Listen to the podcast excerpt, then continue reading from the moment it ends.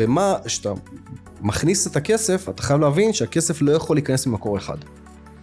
זה משהו שאני רואה אותו הרבה מאוד, שיש לאנשים מוצר אחד, או שתי מוצרים, או אולי שלושה מוצרים, ועל זה בנוי העסק. למוצרים יש שחיקה, להצעות יש שחיקה, ואתה חייב כל הזמן כבעל עסק, היה לי שיחה בדיוק עם בעל עסק היום, מאוד מאוד רציני, שאמרתי לו כל חודש אתה צריך לבוא ולהכניס מוצר חדש לתוך העסק שלך, כל הזמן אתה צריך מוצרים חדשים, כל הזמן.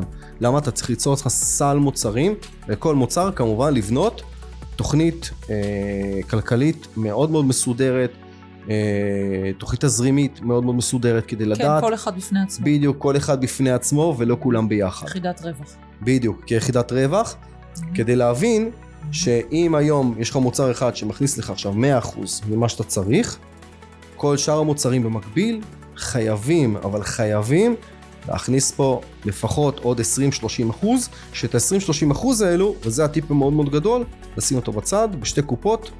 אני קופות, אה, אחד מהם יכול להיות נזילה יותר, השנייה נזילה פחות, אחד זה רזרבה תפעולית לעסק, השני זה חס וחלילה, חס וחלילה אמור להגן עליך במצבים כאלו, שהעסק הולך לקרוס, יש לך כסף לבוא ולא תצטרך להביא כסף מהבית. נכון.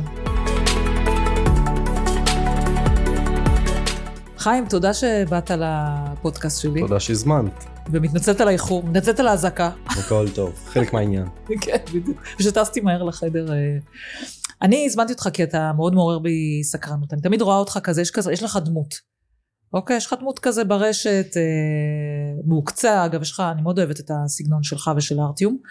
אה, ותמיד רציתי להצטרף לכנסים שלך, אז תודה שהייתי בכנס האחרון, מאוד מאוד נהניתי. אחלה כנס, אחלה כן. הרצאה. כן, כן, היה ממש ממש אה, טוב.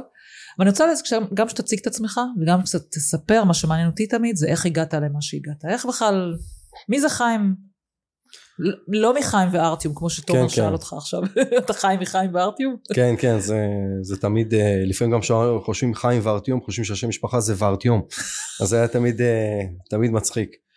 אז קודם כל, אדם רגיל, משפחה רגילה, תמיד אני אומר, הרבה מאוד אנשים מתחילים איזשהו כאב מאוד מאוד גדול, או איזה משהו מאוד מאוד גדול, אז תמיד הכאבים נמצאים שם, אבל זה לא מה שהוביל. מה שהוביל זה, זה מגיל מאוד מאוד צעיר, תמיד, אה, תמיד הסתכלתי על, ה, על התחושת היזם הזאתי. על להיות יזם, על לעשות יותר, על למה זה עובד ככה וזה עובד ככה, ותמיד אני ליזום. אומר, ליזום, כן, תמיד אני אומר העסק הראשון שהתחלתי, אני אפילו לא יודע אם ההורים שלי יודעים מזה, אז בטח הם ישמעו את זה, התחיל באזור גיל 4-5, משהו כזה. כן, הייתי ילד יחסית אחראי, הייתי מקבל נגיד פה שקל, באותה תקופה שקל, שקל מסבתא, שקל היה שווה אה, חמש, חמש אגורות היה לה מסטיק קטן, עיגול קטן, עשר אגורות הגדול. הייתי קונה מסטיקים וחוזר ואז מתחיל למכור לחבר'ה מתחיל למכור לחברים שלי הם לא יכלו מה זה ללכת למכור? תמורת כן? כסף? בטח? מסטיק קטן לי עלה חמש אגורות הייתי מוכר בעשר אגורות מסטיק גדול הייתי מוכר או בחמש עשרה אגורות או בעשרים אגורות תלוי בבנדל עצמו וככה יכולתי לקחת את השקל להחזיר לקופה מבלי שההורים שלי ידעו ויש לי שקל לעצמי לעשות מה שאני רוצה הלם. כן כן והיה היה קטע אתה את זה. לא יודע, כי היה פעם אחת קטע, המרתי את השקלים לשטר, ואז באתי פעם אחת למכולת עם שטר של 100 שקל, באותו ערב הוא צלצל להורים שלי, את יודעת שהוא בא לקנות עם שטר של 100 שקל, ילד בן 5, 6, בא לקנות עם 100 שקל, איך זה יכול להיות? ואז אה, גילו מצאתי אותה. איזשהו תירוץ, גילו, עלו עליך. כן, אז בוא'נה, אתה ממש נוכל קטן, אה? היית כן. אה, עושק את החבר'ה. לא, לא עושק את לא, החבר'ה, אני הם פשוט. לא יכלו, לא יכלו ללכת. אז אז הבנתי שעל מאמץ אפשר לקחת כסף, שזה חלק מה, מהעלויות וכולי. יש את המאמץ, יש זמן ההליכה, את הזמן שהלכת. עכשיו לא יודע אם חשבתי על זה, אבל פשוט חישבתי את זה ככה, וככה זה יצא. אז משם בעצם התחלתי, ואחרי זה עוד פעם, הייתי, בין, הייתי ילד שהוא לא תלמיד טוב, בסדר? הייתי Mhm. תלמיד uh, גרוע, תלמיד uh, שאומרים הוא יסיים באיזה מקום uh, לא טוב. הייתי טוב uh, רק במתמטיקה. הייתי 100 מתמטיקה, כל שאר מקצועות 20. וככה ככה זה היה, ילד רגיל, בסוף איכשהו תמיד הסתדרתי. זה משהו ש... שעדיין לפעמים אני לא יודע לנתח את זה, שבכל סיטואציה הכי גרועה שיש, תמיד איכשהו הצלחתי להסתדר או לא נלחצתי. היום אני קורא לזה קשיחות מנטלית, לא ידעתי את זה אז שהייתי צעיר, אבל כן, אני יודע שתמיד הייתי מסתדר, ואז תמיד קפצתי, תמיד שאפתי, תמיד פה, מיונים לצבא, פה ושם אה, מיונים לטיס ו... ואז אתה חותם ויתור כי לא מתאים לך כי אתה אומר לא הצלחתי בתור ילד יש לי אופציה להיות הנדסאי בוא נלך ללמוד הנדסאי. מה זאת אומרת ויתרת? רגע אתה עברת על זה מהר אתה לא עברתי, כאילו עברתי את ל- המבחנים ואז לפני עוד כל מיני תהליכים חתמתי ויתור ו... כי למה? תסביר רגע אתה- בתור ילד כזה יזם וכאלה אז למה? כי כנראה שהרגשתי שזה יתקע אותי באיזשהו מקום שאני לא אצא ממנו. יכול מאוד להיות אני לא יודע חכמים בדיעבד אנחנו לא יכולים להיות. ואז ממשיכים מסלולים נכנסים לצבא ואז באתי מבית אה, כזה סובייטי? סובייטי כזה של טוב אה, עורך דין הוא לא רוצה להיות אה, מהנדס הוא לא כל כך רוצה להיות הוא איש צבא. אז יאללה ללכת להיות איש צבא ואז זה היה זאת הייתה המטרה שלי. והתקדמתי קצת בתפקידים. איפה היית? הייתי בחיל הקשר הייתי קשרג הייתי סך מ"פ ואחרי זה הייתי גם קצין אג"ם באיזושהי יחידה שהגעתי אליה אה, ב-8200 היה מגניב היה נחמד אבל כל פעם הרף שם עלה ו-8200 אנחנו יודעים זה באמת הרף העליון ואמרתי אוקיי משמה לא יכול יותר להתקדם בוא נצא לחיים ה... מה היית איזה דר... כאילו כמה שנים לא היית הייתי סך הכל סרן פשוט ברמת הידע אתה רואה את ההתפתחויות אתה רואה את העולם עצמו אתה מבין שאוקיי עכשיו אני הולך להיות נגיד קצין קשר חטיבה מה אני אמשיך להתעסק במ- במ"קים בדברים כאלו שזה כיף זה מגניב עסקתי בזה בעבר אבל זה כבר לא מה שהתעסקתי פה ואני כן אם כבר אני רוצה אני רוצה להיות בשטח אבל אני רוצה להתעסק גם בזה ואי אפשר לעשות את שתיהם וואי, אני ביחד צוחקת, אתה לא ידעתי את הפרט הזה עליך, וזה מצחיק אותי, כי אה, זה בדיוק מה שקרה לי. אני הייתי גם סרן בחיל הים, ובתקופה שלי, תחשוב, זה לא היה שבנ... אני נורא הייתי כזה טיפוס קרבי כזה. מהמם. בתקופה שלי בנות לא יכלו להיות שום קרבי, כאילו לא היה את אליס מילר וכל הסיפור הזה. והשתחררתי כסרן, הפרתי אגב, היה לי תוכנית שירות כזה, שאתה הולך ללמוד שנתיים על חשבונה וזה, הפרתי את התוכנית הזאת, כי אמרתי, מה אני אלך להיות עכשיו, אני אחזור, אני אהיה קצינת חן ראשית, כאילו קצינה של חיל נשים. מה, מה זה שטויות האלה? כאילו לא היה לי מה לעשות עם זה, אז בדיוק כן. השתחררתי, עכשיו אתה מספר את זה, זה בדיוק... כן, היה לי, היה לי את האופק, יכולתי להמשיך עוד כמה שנים ואז לקבל אה, חוזה, והיה לי הצעות, והיה פה והיה שמה, אבל אמרתי זהו, הספיק לי בעולם הזה שיהיו לי בוסים, בצבא יש מלא בוסים, מעכשיו אני יוצא לדרך שלי, עם האג'נדה שלי, ונמצא את עצמי איפשהו שמה. מה, מה חשבת באותה תקופה? תראה, התחלתי עם שיווק רשתי, בסדר? שעד היום, הרבה אנשים חושבים פירמידות, פה שם עכשיו יש מלא פירמידות, יש מלא סכמים, מלא הכל, אבל בשבילי זה היה בית ספר הכי טוב בעולם, בסדר? לעסקים, למה? כי בשנה הראשונה הייתי כריזמטי. אז בשנה הראשונה תמיד אמרתי, אני יודע הכל, כל, מי- כל מנטור, כל מאמן, מאמן, כל הבולשיט הזה בתכלס, לא בשבילי. אז הגעתי לתוצאות יפות, נחמדות, אבל מה קרה אז? הבנתי שאני לא יודע כלום. ואז בעצם... מה זאת אומרת רגע, אתה אומר פה, תסביר שנייה, מה זה אומר? כן, בשבילי זה obvious. כן, בדיוק, אבל אני יודעת גם שמי שמאזין זה לא obvious. ואז הבנתי שאני באמת לא יודע כלום. בסדר, אני יודע את מה שאני יודע. יזמות, כאילו נכנסת לעולם של יזמות. שיווק רשתי, שיווק ומכירות עסקים, וזה. אתה צריך לצרף אנשים, אתה צריך לבנות. צוות, אתה צריך לארגן צוות. התחלתי גם לאמן אותם, לא יודע מאיפה זה הכל בא לי, אבל התחלתי לאמן אותם, התחלתי פה ואמרתי אני יודע הכל. אז הבנתי שמה שאני יודע זה מה שאני יודע, ואני לא יודע מה שאני לא יודע. אז מה עשית עם זה? עם? מה שקרה זה שהייתי באיזשהו כנס של התפתחות אישית כזאתי שהחברה ארגנה ועמד שם איזשהו בחור מאוד מאוד רציני באותה החברה קוראים לו רנדי גייג' ואני אף פעם לא אשכח את האמרה הזאת זו אמרה שאימצתי אותה גם לעצמי בארץ הוא עמד לוח מחיק וטושים ואז הוא שאל שאלה מי עושה את הכסף? who makes the money? אז כולם נתנו 700 אלף אה, תשובות ואני לא יודע למה דווקא לשאלה הזאת הקשבתי לא הקשבתי לכל ההרצאה לא הקשבתי דווקא לזה הקשבתי והוא בא ואומר תשובה יפה תשובה יפה אבל לא אבל לא אבל לא ואז הוא אומר the man with the marker הבן אדם עם הטוש מחיק זה מי שעושה את הכסף שמה קיבלתי לעצמי את הסתירה אמרתי מה זה אומר? מה זה אומר יפה. בנם? כמה שמה קיבלתי את הסתירה הזאתי שהבנתי אוקיי אני לא באמת יודע כי האם אני יכול עכשיו לקום מהכיסא שלי ולעמוד באותו המקום שלו להעביר את אותו ידע ואת אותו תוכן כמו שהוא מעביר אותו ולדעת לסחוף את האנשים אחריי ועוד כל מיני דברים כאלו ואחרים והבנתי שלא זו הייתה נקודת המפנה שאמרתי אני חייב להתחיל ללמוד אני חייב להתחיל להתפתח אני חייב לעשות עם עצמי הרבה יותר ממה שאני חושב שאני יודע. זאת אומרת, מה שהוא בעצם אמר זה, בוא, כשאתה יודע עם המרקר, אתה כבר רכשת את הידע בשביל להעביר אותו הלאה? לא, לא, לא רק רכשת. רכשת זה לא מספיק. אז כי מה מה הוא קורה? התכוון? הרבה אנשים רוכשים ידע. הולכים עם מאמנים לקורס אימון. קנו עכשיו קורס שיווק או עברו איזשהו תהליך שיווק כזה ואחר והנה אני עכשיו יודע לשווק. לא. זה רק ה- הלמידה עצמה. פרקטיקה. study, practice and teach. אני אומר את זה כל הזמן. מהמם, צריך ללמוד, ליישם על עצמך, ורק אז ללמד אנשים אחרים. מהמם. זה משהו שלא משנה איפה שואלים אותי תמיד אני אומר את שלושת הנקודות האלו. זה המשמעות להיות מנטור בעיניי. בדיוק. זה שאתה עובר את התהליך בעצמך כדי להעביר אותו הלאה. לא רק, חייב אה, לעבור בעצמך והבנתי שלא התמסרתי לשום תהליך לא התמסרתי לשום למידה לשום ספר לשום כלום לא קראתי עד אז כמעט בכלל ספרים ואמרתי אין מה לעשות עכשיו חייב למזלי הגיעה חברה שהתעסקה בהתפתחות אישית. הם משלמים איזשהו ממברשיפ של 50 דולר בחודש חברה אמריקאית וכל חודש היינו מקבלים דיסקים פעם היה דיסקים אה, למי שלא יודע דיסק היום מכניסים את זה לאיזשהו כן. מקום וזה מנגן לנו לא, די, מי ששומע אותנו זה לא חבר'ה בני 20. תשמע, אם הילדים שלי תומר ישמעו את לא זה, יודע מה על זה... מה אתה מדבר, אבל כל האחרים יודעים. אז היינו מקבלים דיסקים, ואז היה עוד דיסק, שגם מבחינתי, אה, עוד נקודת מפנה בחיים שלי, של מנטור שקוראים לו לס בראון. לס בראון, קיבלתי דיסק, סלף מוטיביישן, זה קורס שלו, קיבלתי אותו פשוט בדיסק. הקשבתי לו באותה השנה 54 פעמים, יותר מהשבועות בשנה, השבועות.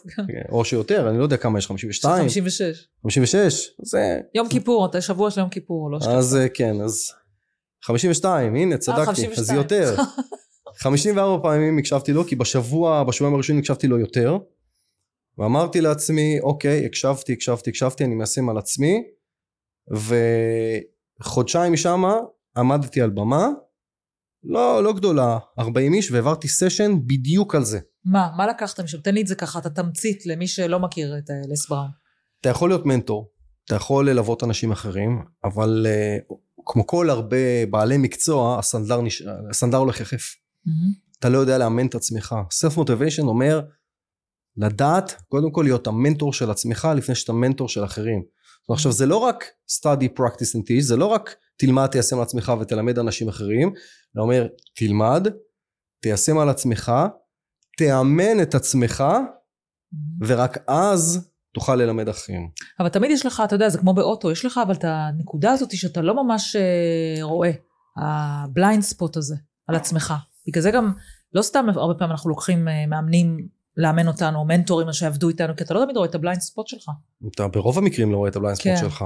קשה כן. לאמן את עצמך. קשה לאמן את עצמך יותר מאשר לראות את ה blind spot. אנחנו כבני אדם רואים אני לא יודע כמה מעלות ואנחנו רואים ככה. מהמם. אבל לדעת לשים לעצמך אה, את הכיסוי עיניים הזה שתוכל כמו שעושים לסוסים שכחתי איך קוראים לזה שתוכל באמת כן. אה, לראות רק ישר זו זו המיומנות הכי גדולה לכל אה, לכל. מעביר ידע זה לא רק מנטור פוקוס, כאילו להיות כן בפוקוס. להיות בפוקוס אבל לא רק להיות בפוקוס כי אתה יכול להיות בפוקוס גם בזוויות מאוד מאוד רחבות זה להיות בפוקוס בזווית מאוד מאוד צרה שגם אם מגיעות הזדמנויות או כל מיני דברים אחרים מהצד זהו זה נעצר שם וואו, תקשיב, אני יודעת שזה גם עליי, ואני בטוחה שבעלי העסקים פה הזדהו לגמרי. זה תמיד קורה לך שאתה פותח את העסק. כשאתה פותח עסק, פתאום נפתחות לך ב-360 מעלות מסביבך, כל הדברים שאתה יכול לעשות ואתה רוצה לעשות, ועכשיו גם את זה ועכשיו את זה. אתה יודע מה הפתרון שלי? אני תמיד אומרת לבעלי עסקים שאני מלווה, שאנחנו לא חושבים בשורה, אנחנו חושבים בטור. אתה, נכון. אתה צריך לחשוב מה אתה עושה עכשיו, אחרי זה, ויש דברים שחלומות שאני חלמתי אותם איזה שנה, שנתיים לפני כן, ורק יישמתי אותם כשזה היה מתאים. ולא נכון. באותו זמן, כי אז אתה נכון מתבלבל. נכון מאוד וגם אם כבר עובדים עבודה מקבילית עבודה נכונה מקבילית בצורה מאוד מאוד סיסטמטית צריכים גם לדעת מתי לוותר על עסק מצליח נכון. זה גם מתי משהו להגיד מאוד לא. מאוד חשוב מתי זה- להגיד לא וואי, זה הכי קשה. בדיוק בדיוק הכי קשה. למה? כי רוב האנשים מונעים מפחד אחד מאוד מאוד מאוד מאוד גדול הוא לא המוות אגב פחד מבמה אגב יותר גדול מהמם. אבל יש פחד לבעלי עסקים או בכלל לאנשים אנחנו רואים את זה על בעלי עסקים נקרא fear of loss. פחד מהפסד, פחד מלהפסיד את הדבר הבא, פחד מלהפסיד את המדרגה הבאה, פחד מלהפסיד את העוד אפס במשכורת. גם ברגע. שאנחנו יודעים, בדיוק, אתה עוד אפס במשכורת. ברגע שאנחנו יודעים לנטרל את עצמנו מהפחד הזה, זהו. עכשיו אנחנו יכולים להיות באמת שקטים, וזה תהליך מאוד מאוד ארוך להגיע לשם. אני חווה את זה אצלי שתמיד יש, אני מניחה שגם אצלך, שתמיד יש את הפחד הגלי- גדילה, שאתה גודל במשהו, אתה בכל זאת מפחד באותו, באותו זמן. אחר כך זה עובר, ואחר כך יש את הפחד הבא לגדילה הבאה, אבל מצד שני גם גודלים. נכון כדי. מאוד, נכון מאוד. אחד, ה, אחד הדברים לבוא ולהתמודד עם זה, זה להציב קווים אדומים. עכשיו לא סתם קווים אדומים כדי שיהיה פה קו אדום, אלא קו אדום שאתה לא עובר אותו. Mhm. אם זה כמה כסף אתה אמור לקבל מפרויקט, קו אדום. אם זה מה אני עושה בתוך הפרויקט, קו אדום. אז ספר לי את שלך, את הקווים האדומים שלך, תדגים לי עליך קווים אדומים שלך זה, נגיד, בעסק שלך. זו שאלה מאוד מאוד יפה, אין לי מה, לה, מה להדגים מסיבה מאוד פשוטה. אצלי בגישה שלי, Mhm. זה כל לקוח הוא דף לבן. Mhm. זה לא מעניין איזה הצעות מחיר יש, איזה הצעות מחיר אין, כל לקוח הוא בן אדם חדש לחלוטין. אין שני אנשים אותו הדבר. Mhm. ההסתברות אומרת, פעם שמעתי את זה, העברתי את זה גם איזושהי הרצאה, שרק אחד ל-50 מיליארד אנשים יכולים להיות שתי אנשים בדיוק עם DNA זה, עם אותו הדבר. יש דבר כזה? לא ידעתי. מסתבר, ש... מסתבר שיש, זה מה שקראתי זמנו, אז אני לא יודע להגדיר את המקורות, אולי זה כבר השתנה, אני לא יודע. נכון ללפני כמה שנים. אה, השאלה, השאלה אם היה בנק DNA או לא. שעשו את זה. זו, זו השאלה, זו השאלה, כי, כי זה מצחיק, כי יש סברה שאומרת על כל, כל בן אדם, יש לו בעולם 7-8 אנשים שדומים לו כמעט קופי, Mhm. אבל לא בפנימיות. עכשיו זה גם מכלה בתאומים זהים, בסדר? אין את אותו ה-DNA במאה אחוז. Mhm. ולכן אני לוקח את ההנחת יסוד הזו וקובע אותה כעובדה עובדה שלי אין שתי אנשים אותו דבר גם אם יש שתי אנשים אותו דבר זה לא מעניין אותי שתי כל אחד שונה לחלוטין Mhm. ברגע שהוא שונה לחלוטין לא אתה צריך לבוא ולהתאים את המסר להתאים את השירות שאתה נותן וכן הלאה וכן הלאה ואנחנו רואים את זה גם אה, מאמנים NLPיסטים או בעלי סוכנויות כאלו ואחרים הכל אצלהם זה copy paste replace כן. לא Mhm. צריך פה את ההתאמה הזאת, צריך פה את היוניקנס של, ה, של מה שהוא הולך לקבל ממך, גם אם זה מאוד מאוד דומה, Mhm. תמיד שתהיה שם את החוויה האישית. ולכן אין טמפלט, אני לא עובד עם טמפלטים. שזה מהמם מה שאתה אומר מצד אחד, מצד שני זה time consumer מאוד גדול בשבילך כבעל עסק, אז איך אתה באמת אה, מנווט בין הדברים? הרי אתה בעצם מלווה עסקים, בוא- בואו לא, לא הצגנו בכלל, לא אמרת בכלל, הלכת לילדות, אבל לא אמרת רגע מה אתה אמרת מה זה? נכון, נכון, אני אמרת, צודק. אני אומרת, בוא, בוא נגיד רגע מה אתה עושה עכשיו, ואז נחזור שנייה רגע איך הגעת לזה, כי זה כן מעניין הדרך שאתה עובר, הדרך שלך היא מרתקת. קודם כל תספר תודה. רגע מה, מה אתה עושה עכשיו, ככה שאנשים... אז. אה, קודם כל אני עושה, אני עושה הרבה דברים, גם ברמה האישית, גם ברמה עם השותף שלי, עם ארטיום, אנחנו עושים המון דברים. יש לנו את החברה שלנו, קודם כל יש לנו חברה easy to success, אינטרנשיונל בעם, בכוונה שמנו את האינטרנשיונל, כדי לא להישאר אף פעם, אה, כבר במהות בישראל. אה, שאנחנו, יש לנו שם מחלקה של קורסים דיגיטליים. לקחנו את כל הקורסים בשיווק שיש לנו שמה. יש לנו מחלקה של אה, ליווי פרימיום, אנחנו לא עושים ליוויים אישיים רגילים או משהו כזה, אלא ליווי פרימיום או ליוויים מאוד מאוד ממוקדים. למי? מי קהל היד? קהלי היעד הם, הם בעיקר עסקים של מינימום 50K בחודש, זה המינימום, זה כן. עסק ש, שצריך להגיע, עכשיו הוא לא חייב להיות פיזי, יכול להיות גם פה, מנטלית, אוקיי? כי כן, יש לי בעלי עסקים שהם מאוד מאוד מאוד מאוד מוכנים, שאתה אומר אוקיי, קדימה, אפשר להקפיץ אותך לדבר הבא.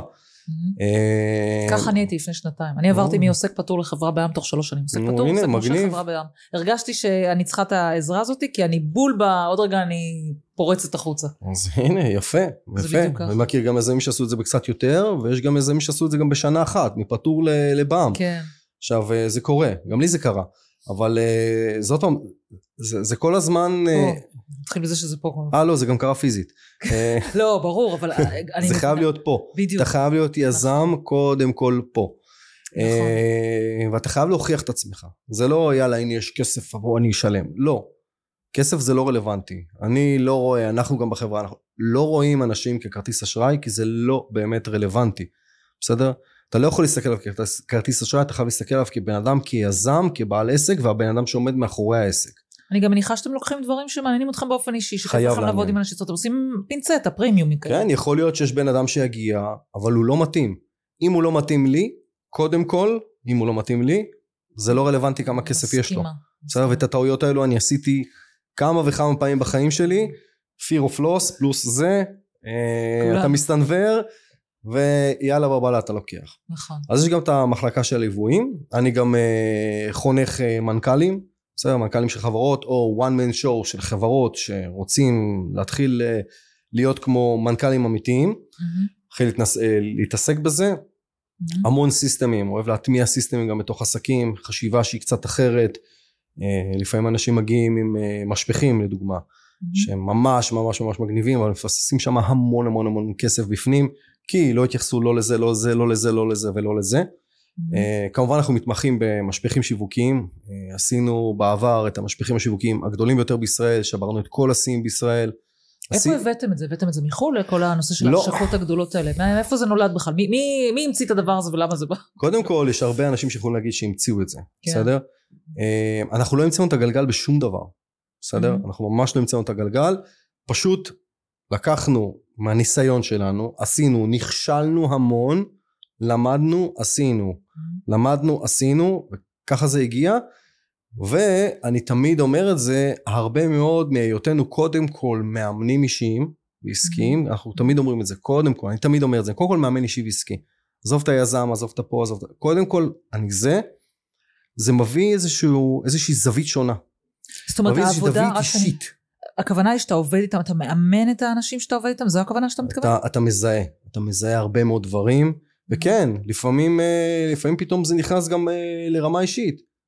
לפעמים אה, המצב עם, ה, עם האישה משפיע על הכל בלי שבכלל ידענו, בלי שבכלל היזם או היזמית ידעו, אישה, גבר ו, וכן הלאה, כן? מהמם. וזה חלק מהעניין. אז קודם כל מגיע העניין הזה של הפרסונל, להסתכל. זה Mhm. כמו רנטגן, תמיד אני אומר, Mhm. תן לי בן אדם שלוש עד גג חמש דקות, אני יודע את כל מה שעבר עליו בחיים. למה לא אמרת לי את זה לפני כן? הייתי... אה, את רואה מה זה? מרגישה פה עכשיו על אה, במה. מרגישה על במה. גדול. אז עוד פעם, זה, זה בסוף חלק מהעניין, והמון כישלונות.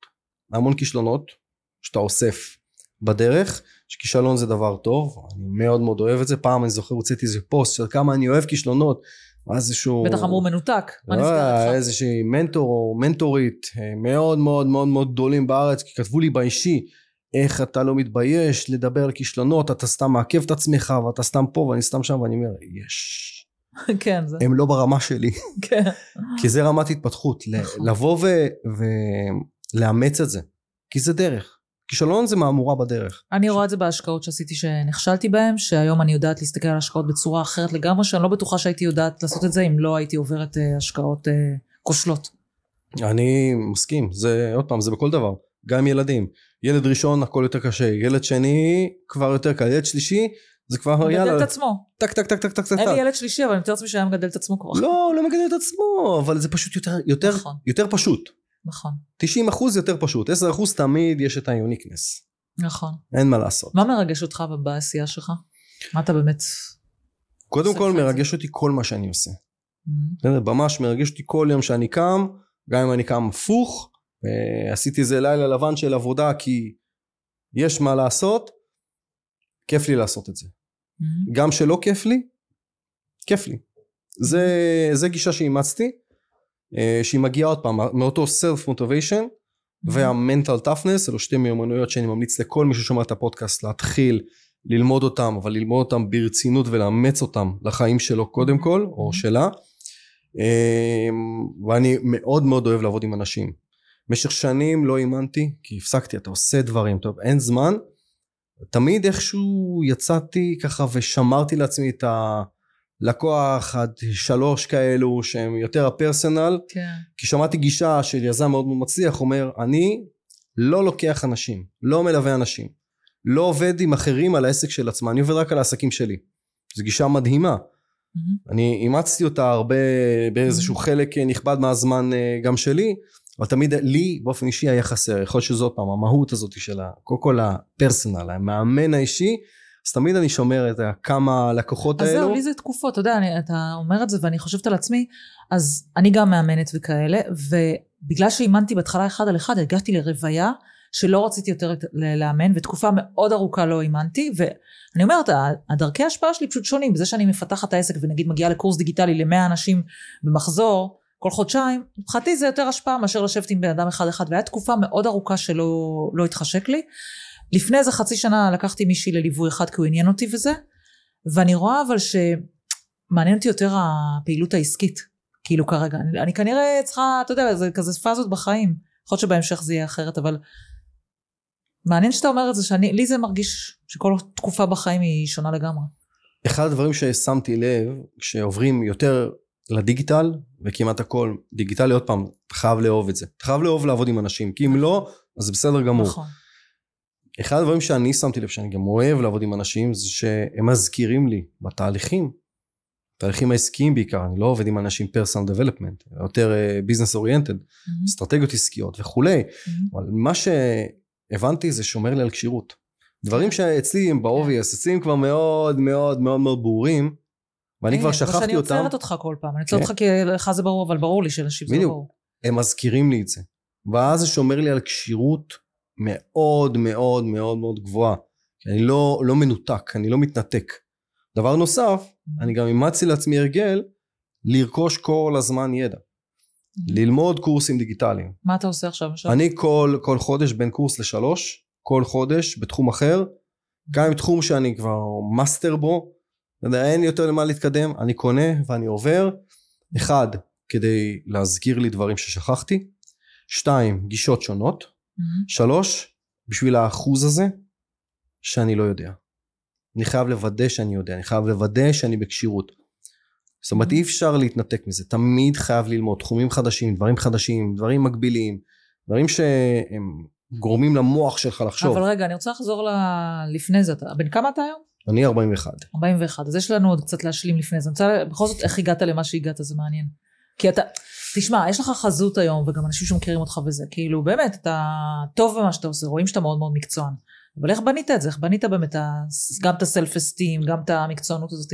אז ב-2008, ואני חוזר, שזה עוד נקודת אה, מפנה מאוד מאוד מעניינת, הייתי גם בכנס התפתחות אישית, שהגיע בחור מקסים, אה, קוראים לו ניק הליק, מולטי מיליונר, שהוא סיפר על הבמה, שהוא היה בן שבע, הוא כתב לעצמו עשר משאלות שהוא רוצה להגשים אותן, שזה לא משאלות פשוטות, לטוס אה, לחלל, להיות אסטרונאוט, לאכול ארוחת צהריים על הטיטניק, וכן הלאה וכן הלאה וכן הלאה.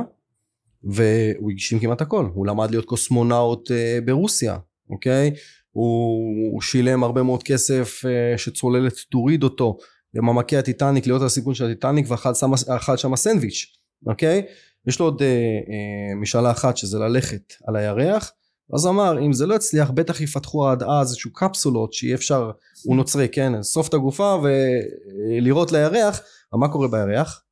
אין כבידה, זה ככה, אומר אז אני אוכל ללכת וואי. אוקיי? אז כש- כשהוא אמר את זה הבנתי שיש פה בן אדם מאוד מאוד רציני, כן. הוא התעסק בהשקעות, הוא התעסק בכל מיני דברים מאוד מאוד מעניינים, אבל אז הוא אמר אמירה שרוב האנשים, יש איזה 200 איש, כולם התעלמו חוץ ממני. הוא אומר, אני רוצה להתפתח לעוד מדינות נוספות. מהמם. יופי, מעולה, גלובלי, לא? מצוין. באתי אליו, אני יודע שהוא יודע קצת רוסית, אני יודע קצת רוסית, ושם אני אומר לו, ניקו, מה קורה, מה המצב? אתה רואה את הבחור למעלה? זה השותף שלי ארטיום, הוא עומד שם למעלה בסוף האולם, הוא אחד המשווקים הישראלים הכי טובים ברוסיה. עכשיו אנחנו לא יודעים שיווק, אנחנו לא יודעים שיווק אינטרנטי, אנחנו לא יודעים כלום. הוא אמר וואלה מגניב, אתן לך את הטלפון של אחותי, אחותו זו הייתה השותפה שלו שמתאמת את הכל.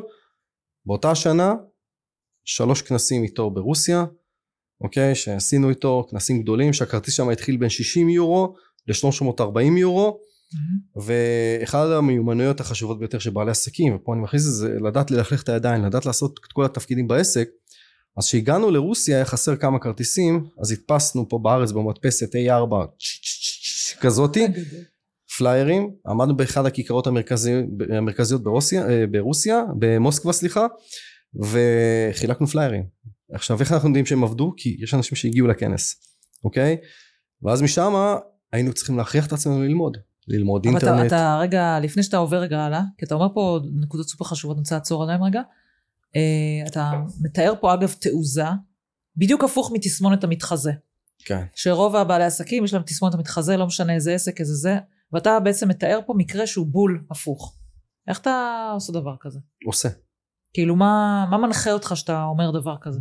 התשוקה. שלא עומד מאחוריו כלום, כאילו. אות- אותה תשוקה לא להיות אה, ממוצע. עכשיו לא להיות ממוצע זה לא אם אני באלפיון העליון או אני באלפיון התחתון. אוקיי? להיות ממוצע זה להיות ממוצע, לחשוב ייחודי? לחשוב ייחודי, לחשוב אחרת, לשבור כל הזמן אה, קירות, בסדר? עכשיו אני לא רוצה להשתמש באמרה השקרית הזאת שנקראת לצאת מהקופסה, כי הרבה מאוד אנשים משתמשים בה, אני ממליץ גם לך וגם לכולם לא להשתמש בזה, כי יצאתם מקופסה, לאן? לקופסה אחרת, לתוך קופסה אחרת, לתוך קופסה אחרת, תמיד אתה תהיה באיזושהי קופסה. אני שיניתי את הלהיות, אה, לצאת מהקופסה ללהיות יצירתי. Mm-hmm. זה לפתח את היצירתיות שלך, Mm-hmm. להיות יצירתי במה שאתה עושה וכמה שיותר יצירתי, Mm-hmm. בסדר? אה, ואני חושב שזה מה שהוביל אותי באותו הזמן. אה, גם היה כיף שהיה לי חבר, שותף, ש... שהוא חושב בדיוק את אותו הדבר כמוך, וזה מאפשר לבוא ולהגיד יאללה, אני עושה, מקסימום נופלים, מה נכון. יקרה? אני מסכימה איתך. איך בעצם הכרת את הארטיום ואיך התחלתם לעבוד יחד ומה...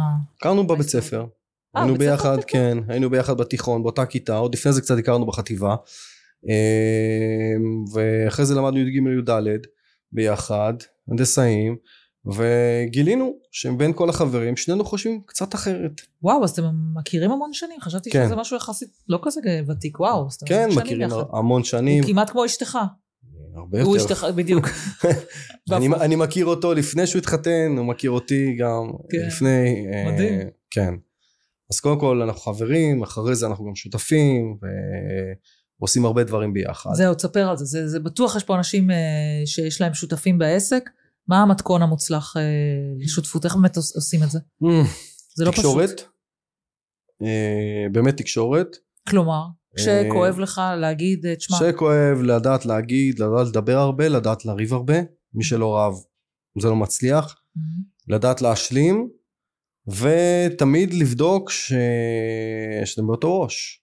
אגב זה גם לזוגיות, אותו הדבר. זהו, בדיוק רציתי להגיד. זה שאתם. באותו ראש, כן, עם אותם המטרות, ולדעת להתפשר, זה גם עוד פעם חלק מהעניין, כי שנינו אנשים עם אגו מאוד מאוד גדול, לדעת מתי אתה שם את האגו בצד, מתי אתה חייב לדחוף את האגו, כי זה הדבר שצריך לגשת איתו, מהמם. אה, והרבה קלירינג. clearing זה אחד הכלים האימוניים הטובים ביותר שיש, לדבר על מה עבד לי, מה לא עבד לי, ואיך אתה מרגיש, ומה עושים עם זה עכשיו, מהמם. לעשות clearing, אה, זה טוב גם ברמת חברות, ברמת מחלקות, שותפים וכן הלאה, אז אה, זה כלי מצוין מהמם. שצריך לאמץ את זה, לפעמים הוא מגיע אה, כי קבענו את זה בלוז, והוא מגיע כי אנחנו לקראת פיצוץ, כן, בסדר? כן. אבל אה, תמיד יש את העניין של ה clearing, ה clearing מוכיח שהשותפות הזאת היא, היא קיימת, שהשותפות הזאת היא פה. כי בוא נגיד שזה, בוא נסביר רגע שזה פשוט בא, שם את זה למקום השכלי ולא למקום הרגשי. מה עבד לי, לא עבד לי, זה שם את זה לשכל, עבד לי ככה, עשית. היה ככה היה טוב, וככה לא טוב וכולי. עם רגש אי אפשר להתווכח. בדיוק, עם רגש שאכלו לי, שתו לי, או לא משנה מה נכון. זה... תגיד, אבל היה לכם נגיד לאורך השנים, כל אחד רצה לקחת את זה לכיוון אחר ו... וכאלה, ואז מה עשיתם עם דבר כזה? היו תמיד אה, מחשבות, אני בטוח שהיו, אה, בסתר הלב, אה, אבל מה שקורה זה שפיתחנו מנגנון שיש רעיונות, מעלים את זה ביחד. מבינים? כן, כן, לא, לא. לא חושב שהיה איזשהו משהו עסקי שלנו בתוך העסק שאומר, אה, אוקיי, אם אתה לא עושה אז אני הולך לעשות לבד. זה העניין של מתי לשים את האגו כן, לא בצד. שברתם את הכלים כאילו. לא, לא שברנו את הכלים, ממש לא. היה רק אפשר להגיד בשנים הראשונות אה, של העסק, אחרי 2008, זה שהתעסק באימון והכל, אז לכל אחד הייתה את הקליניקה שלו, בסדר? באימון. אבל כל השאר זה היה משהו אחר. עד שהחלטנו שזהו, אנחנו מתמקדים ביחד בעסקים וסוגרים את, ה, את הקליניקות לכרגע. אוקיי? אבל עוד פעם, זה בא עוד פעם מ... מ... מעשייה משותפת. גם המשפחים, בנינו אותם ביחד עבור אחד כלפי השני, כאילו... זה היה משהו מאוד מאוד חשוב עבורנו. מצד אחד באמת בשותפות יש המון כוח, כי כל אחד בטח מביא איכויות אחרות והסתכלות אחרת וזה מאוד אה, עוזר. מצד שני אני חושבת על זה הרבה פעמים ששוב, שאולי לבד היית בטח אומר לעצמך וואלה יכולתי להתקדם עכשיו יותר מהר, משהו צריך לדבר איתו, צריך זה, צריך סגור וזה. כאילו זה, יש את זה. יש פה כמה דילמות, גם אתה כלפי עצמך, מהמם, דבר שני, הסביבה. הסביבה לא יודעת מה קורה בפנים, מהמם. זה כמו בזוגיות. כן. היא לא באמת יודעת מה קורה בפנים. ותמיד אה, יכולים לבוא ולהגיד לך מבחוץ, מה, תראה אתה כריזמטי כזה, ופה ושם, מה אתה צריך אותו בכלל? אני לא מבין אם הערך המוסף שלו, לפעמים אנשים שעובדים איתו ביום, מה אתה צריך את השמוק הזה עם המשקפי שמש? מה אתה צריך אותו עם כל הזה? אתה יכול להצליח הרבה לבד. אנחנו יודעים לבוא ובסוף לסנן, גם אם זה שיח פנימי שלנו, עוד פעם יש את ה clearing, גם clearing עצמי וגם clearing ביחד בתוך החברה, Mhm. או לדעת אה, להשתיק, אוקיי, הכל טוב, הכל יפה. אתם משלימים באמת בתכונות שלכם? כאילו יש דברים שהוא יותר כן. חזק, יש דברים שאתה בטח, וככה מנצלים את בטח. זה? כאילו, בטח. התקדמות? בטח, בהחלט. אני יותר, אה, יותר בפרונט, אה, יותר מול האנשים, מנכ"לות, פיננסים וכן הלאה וכן הלאה, או יותר בקריאייטיב, Mhm. אה, למרות שהוא יודע לעשות חלק מהדברים האלו, גם אני יודע לעשות חלק מהדברים שלו, בסדר? אבל כל אחד יש לו את את התחום החזק שלו, זה חד משמעית. ותסביר לי את הקטע של האינטרנשיונל, כאילו, מה זה אומר? היום אתם עובדים מה עם אה, יזמים מחו"ל, או מה? זה? זה מצחיק כי כשפתחנו רשמית את החברה לפני שעבדנו כ, כעוסקים והכל אז אה, היינו צריכים אה, לבחור שם Mhm. אז מישהי אמרה לנו תוסיפו את האינטרנשיונל זה יחזק את זה Mhm. חיזק לא חיזק אין לי מושג פשוט שמנו אותו אני יכול להגיד לך שכותב שאני אבקש חשבוניות אה, מס שאני קונה דברים זה מאוד מאוד קשה לאיית את השם של החברה שלנו אה. בעברית ואז אוסיף אינטרנשיונל ואז עוד בעם גמרת עליו. על זה לא חשבנו אני מקווה שהמייל שלך יותר פשוט מאשר, אני לא יודעת מה המייל שלך, אבל אה, אתה צריך להקריא את המייל, זה קצת בעייתי. כן, בשביל זה יש אנשים שיש להם גם את המייל קיצור. כן, כן. נכון. תגיד, ומה, ככה אתם מסתכלים קדימה, מה... תראי, קדימה זה הרבה מאוד דברים. אה, זה היה מצחיק, כי בסוף, אה, ש... אה, מתי הייתה הקורונה? באיזה שנה? 2000 ו... אני לא זוכר כבר. מתי הייתה קורונה? מתי הייתה הקורונה? יפה, 20, אה, נכון? 2020, נכון, מרץ 2020. אז אנחנו תמיד בדצמבר עושים חודש שהוא חודש אסטרטגיה. Mhm. עכשיו, אנחנו זה אתה וארטיום? אני וארטיום, כן. כל אחד גם לעצמו עושה, כי מביא את הרעיונות, אבל תמיד אנחנו עושים את זה, ועכשיו זה היה, זה היה ב-2019, זה היה יותר מחודש. למה? כי זה לקראת עשור חדש, Mhm. אוקיי? עכשיו, שותפים כבר הרבה זמן, אנחנו מזמים כבר הרבה זמן, כדי לבוא ולהסתכל לא שנה קדימה, אלא הרבה יותר. ואז, שכתבנו, וזה מצחיק, תכננו, כל מה שקרה בקורונה, עם האנשים מהפרונט לבקאנד, זומים וכולי, אמרנו שיש לזה גג שלוש עד חמש שנים שזה יקרה גם בארץ. ש... עכשיו אנחנו, בגלל שזה, אמנם אנשים מסתכלים שלוש עד חמש שנים, אנחנו כבר נערכנו. היה לנו כבר חדר זומי שלנו של אלף איש, היה לנו את כל הדברים האלו קבוע, בילדין, כל המערכות שלנו, תמכו את זה, Mhm. ואז שזה קרה, אמרנו, זה מצחיק. נערכנו, כי אמרנו שזה יקרה בעשור הקרוב, וזה קרה הרבה לפני. Mhm. אז אה, מה יהיה, מה עכשיו צופן אתה העתיד? יודע איזה קטע זה? זה... הכל השתנה. אז אני רגע אגיד לך משהו על זה ואז נמשיך. אתה יודע שאני עשיתי, אה, לפני הקורונה עשיתי ליוויים אחד על אחד, כלכליים, אז באמת עבדתי עם נשים עם סקייפ, והיה עוד איזה תוכנה, אני לא זוכרת את השם שלה. כאילו כבר אז עבדתי והרגלתי אנשים שאני מקבלת אה, זה, עד, עד למצב שאם אתה לא רוצה ככה, אז סבבה, אז לא נפגשים. כן. כאילו בהתחלה אתה יודע, זה היה גם תהליך שלי. ואז כשהתחילה הקורונה, זה כאילו המשיך באופן אה, סופר רגיל, כאילו בעוד שמנטורים אחרים שהיו בזה שלי לא ידעו איך לאכול את זה, כי הם היו רגילים לשבת במסעדה. חד משמעית, היה לנו קבוצות ליווי, נק- נקראו סיירת הג'וקר. המהות שלנו בעסק זה הג'וקרים, בסדר? זה מה שהלבישו גם עלינו, Mhm. אבל סיירת הג'וקר וכל הסיירות זה תמיד הכל פרונטלי. וקרה פה משהו, אומרים לפתוח מחזור, הכל נסגר, מה עושים? Mhm. היה לנו בדיוק את החודש הראשון של הקורונה, מה עושים? לתכנן, חודש אחרי זה סגרנו תוכנית ליווי. כן, כי כבר השתמשתם. בכל האמצעים שהיה לכם כבר, תכננתם. כן, בדיוק, כל החשיבה. עכשיו, הפער היחיד זה היה שהיה יותר שם, מזל משכל, אצלך זה היה שכל יותר מאשר מזל. זה למכור, אבל למכור תוכנית פרימיום אונליין. כן, וואי.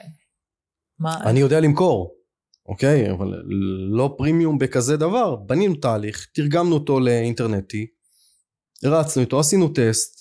בטסט אה, מתוך אה, 12 מקומות, אה, שישה נסגרו. הופה, מגניב.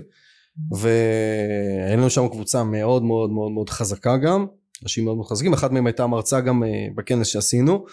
אה, שזה מצחיק כי מאז עד היום עוד לא יצא לנו להיפגש פיזית. לא יצא לנו, והייתה בליווי, ואחרי זה עוד שיחות, וזה מדהים, אבל אה, זה נתן לנו את התפיסה שאתה מכיר בן אדם ממש טוב מבלי לפגוש אותו. אני ככה הייתי עובדת כל הזמן כן? אחד על אחד. הייתי עושה להם אימונים כלכליים, אתה יודע שכלכלי זה הארדקור, הם סומכים לך על הכל, על הבגידות, על הזה, על הזה. אתה נחשף שם ברמות על. אני תמיד אומרת, זה אותו דבר, רק הטישיו, אתה שם את הטישיו שלך ואני את הטישיו שלי, או את הקפה שלי, כאילו, וכל בדיוק. זה אותו דבר.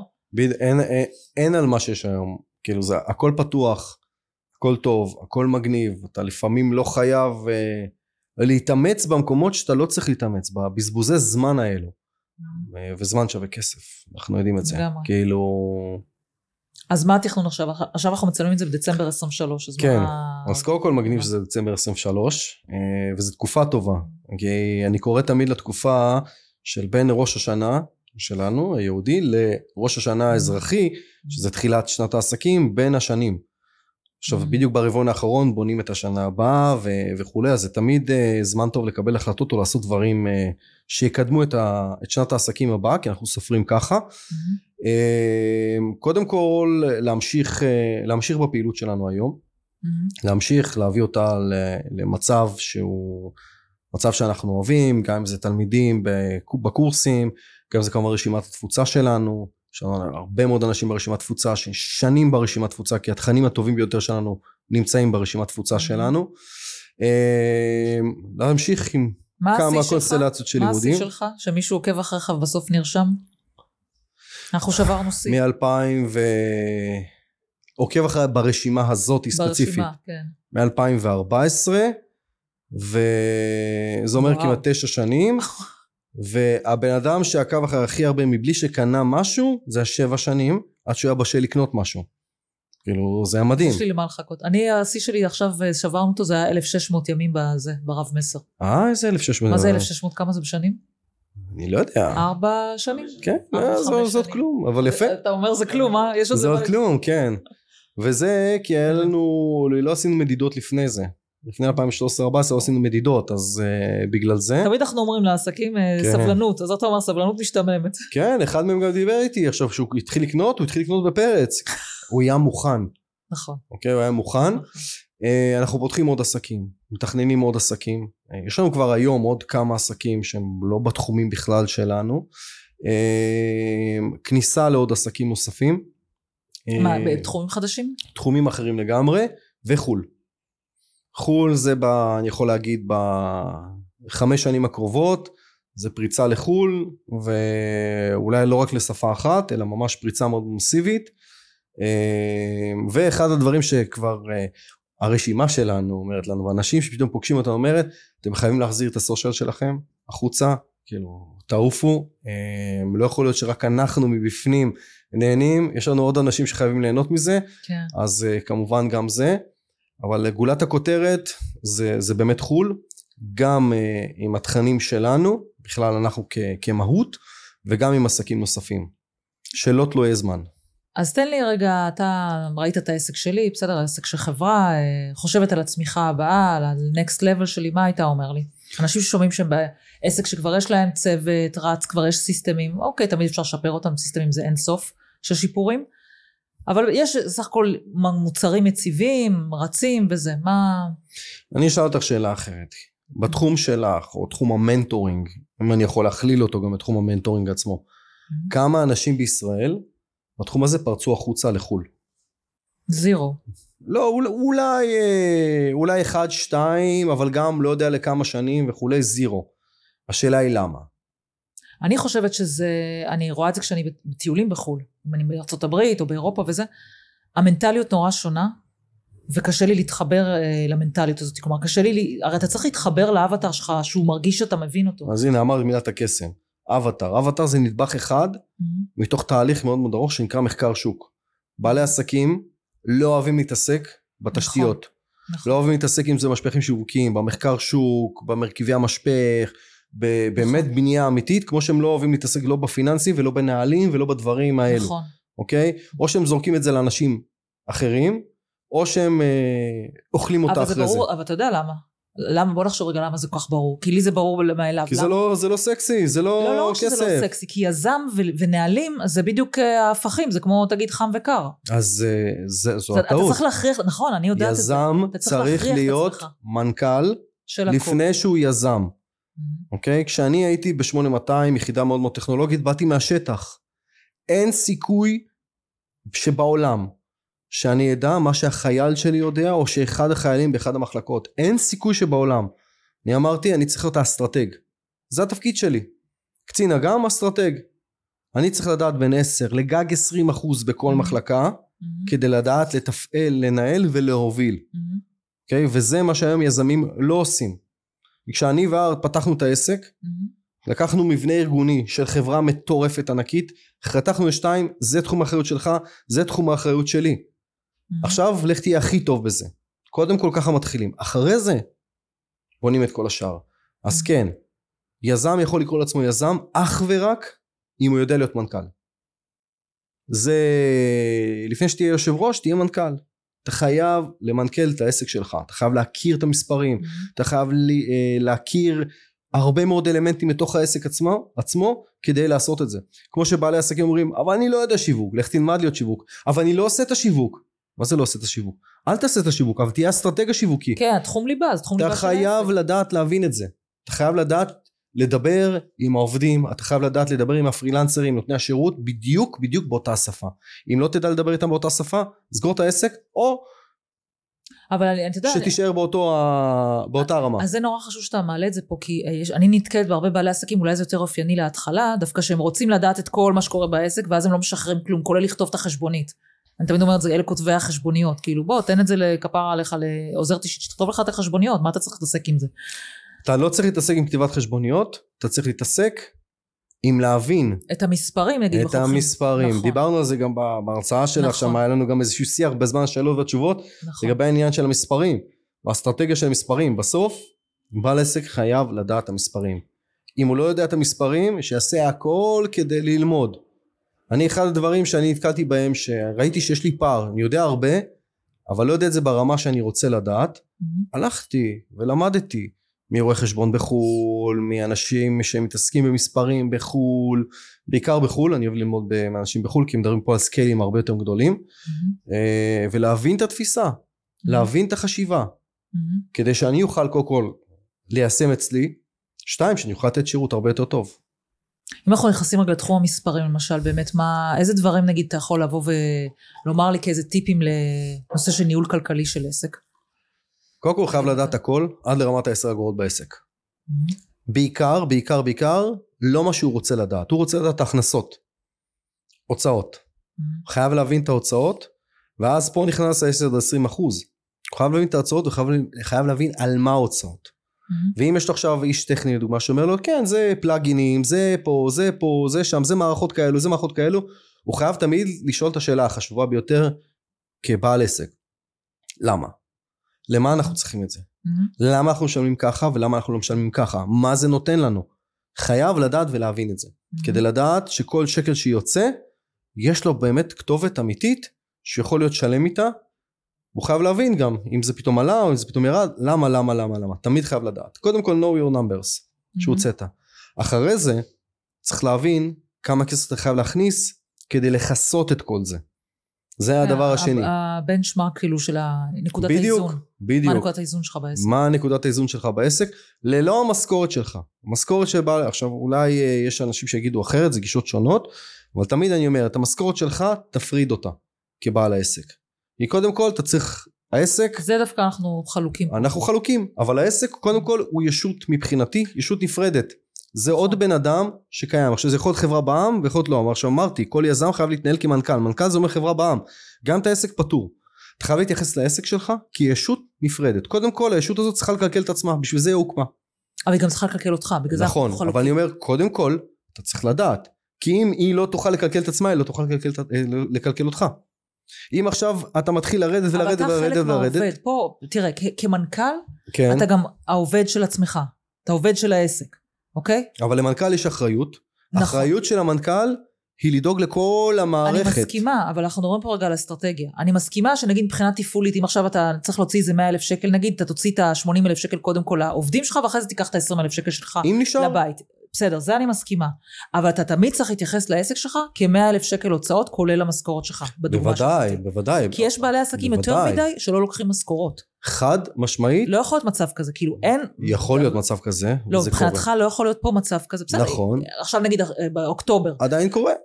העסקים התרסקו. זה לא ולא קשור, לא. את יודעת מה, זה לא קשור לא אתה למלחמה. מסכים איתי אבל לאורך זמן זה לא הגיוני שבעל עסק לא, לא לא, לוקח? לא, לא, לא כן. הגיוני. לא כאילו הגיוני. אם קרה עכשיו באוקטובר העסק התרסק, נכון. לא לקח משכורת, מובן. חד משמעית, אוקטובר קרה הקורונה, קרה עוד משבר, או עכשיו פתאום, לדוגמה, עסק פיזי שעכשיו אה, אה, פתאום אה, אה, מכלית אה, טבעה בים, ועכשיו כל המוצרים שלו היו שמה, יש, כן. פה, יש פה, יש פה ברור. בסוף אה, משברים, בוא נקרא לזה משברים, אוקיי? משבר אנחנו צריכים להיות הגיוני. ערוכים למשברים, נכון. זה חד משמעית, יחד עם זאת אנחנו צריכים להבין קודם כל, שאנחנו צריכים לדעת לעשות את ההפרדה. גם בתוך העסק, כמו שהפרדנו את המשכורת, זה מחלקה. ואז אנחנו צריכים לדעת כל מחלקה ומחלקה בתוך העסק, ואנחנו צריכים לדעת שקודם כל העסק יודע לקלקל את עצמו. זה דבר ראשון. בוודאי שאנחנו בונים תקציב, המשכורת, לא הגענו לזה, המשכורת חייבת להיכנס פנימה. זה אני מסכים לחלוטין. כן. יחד עם זאת, כמנכ"ל או כבעלים של עסק יש לך אחריות. אם יש לך עכשיו פרילנסרים, יש לך שם עובדים שפיתחת ועבדת איתם, אתה צריך לוודא שלא אחד מהם מחר יעזוב אותך כי אתה החלטת לשלם לעצמך כסף לפני ששילמת לו כסף. זה משהו זה ברור. שעל בל ויעבור מבחינתי. לא, זה ברור. ולפעמים יצא מצב במשברים שאתה לא לוקח כסף הביתה וכן העובדים שלך ממשיכים להרוויח כסף ואין מה לעשות, זה חלק מהעניין. ואנחנו צריכים לדעת, בעל העסק חייב לדעת שהוא עושה הפרדה בין העסק אליו. למה? כי אם הוא יסגור את העסק, כל המיומנויות של העסק נשארו אצלו, הוא יכול לפתוח עסק חדש. העסק עצמו לא יכול להתנהל בלעדיו. אלא אם כן הוא מביא אותו לאיזושהי סיטואציה שמגיע, אבל זה כבר גדילה וצמיחה ו- וכן הלאה וכן הלאה. Mhm. אז זה קודם כל לדעת את המספרים ולדעת כמה אתה צריך להכניס. Mhm. ודבר נוסף, במה שאתה מכניס את הכסף, אתה חייב להבין שהכסף לא יכול להיכנס ממקור אחד. זה משהו שאני רואה אותו הרבה מאוד, שיש לאנשים מוצר אחד או שתי מוצרים או אולי שלושה מוצרים, ועל זה בנוי העסק. Mhm. למוצרים יש שחיקה, להצעות יש שחיקה, ואתה חייב כל הזמן כבעל עסק, היה לי שיחה בדיוק עם בעל עסק היום, מאוד מאוד רציני, שאמרתי לו כל חודש אתה צריך לבוא ולהכניס אה, מוצר חדש לתוך העסק שלך, כל הזמן אתה צריך מוצרים חדשים, כל הזמן. למה? אתה צריך ליצור לך סל מוצרים, וכל מוצר כמובן לבנות תוכנית אה, כלכלית מאוד מאוד מסודרת, אה, תוכנית תזרימית מאוד מאוד מסודרת כדי כן, לדעת כל אחד בפני עצמו. בדיוק כל אחד בפני עצמו ולא כולם ביחד. יחידת רווח. בדיוק, כיחידת רווח, Mhm. כדי להבין Mhm. שאם היום יש לך מוצר אחד שמכניס לך עכשיו 100% ממה שאתה צריך, כל שאר המוצרים במקביל חייבים, אבל חייבים להכניס פה לפחות עוד 20-30 אחוז, שאת ה-20-30 אחוז האלו, וזה הטיפ המאוד מאוד גדול, לשים אותו בצד בשתי קופות, אני קופות, אה, אחד מהם יכול להיות נזילה יותר, השנייה נזילה פחות, אחד זה רזרבה תפעולית לעסק, השני זה חס וחלילה, חס וחלילה אמור להגן עליך במצבים כאלו, שהעסק הולך לקרוס, יש לך כסף לבוא ולא תצטרך להביא כסף מהבית. נכון, קרן חירום. בדיוק. אני קורא לה חס וחלילה, לא יודע, באימון קראתי לה חס וחלילה. אתה שמת היום בחס וחלילה? לא, האמת היא, את יודעת למה חס וחלילה? כי הייתי אומר לאנשים, חס וחלילה אתה נוגע לזה בזה בלי אישור שלי. אז אה, חס וחלילה חיים, צריך להיות. כן, חס וחלילה חיים. כן, הייתי מאוד קשוח איתם. אבל זה נכון, תקשיב, בסוף הדברים האלה, זה מה שמשנה אותך גם, גם רגשית, עזוב רגע גם כלכלית, גם רגשית, כשאתה מתחיל איזשהו משבר ויש לך כסף בצד או אין לך כסף בצד, אתה נמצא במקום אחר לגמרי. חד משמעית. חד משמעית, זה נכון מאוד, צריך לדעת להיערך לכל הדפאות, דפה זה דרך פעולה אפשרית, עוד פעם מצב ה...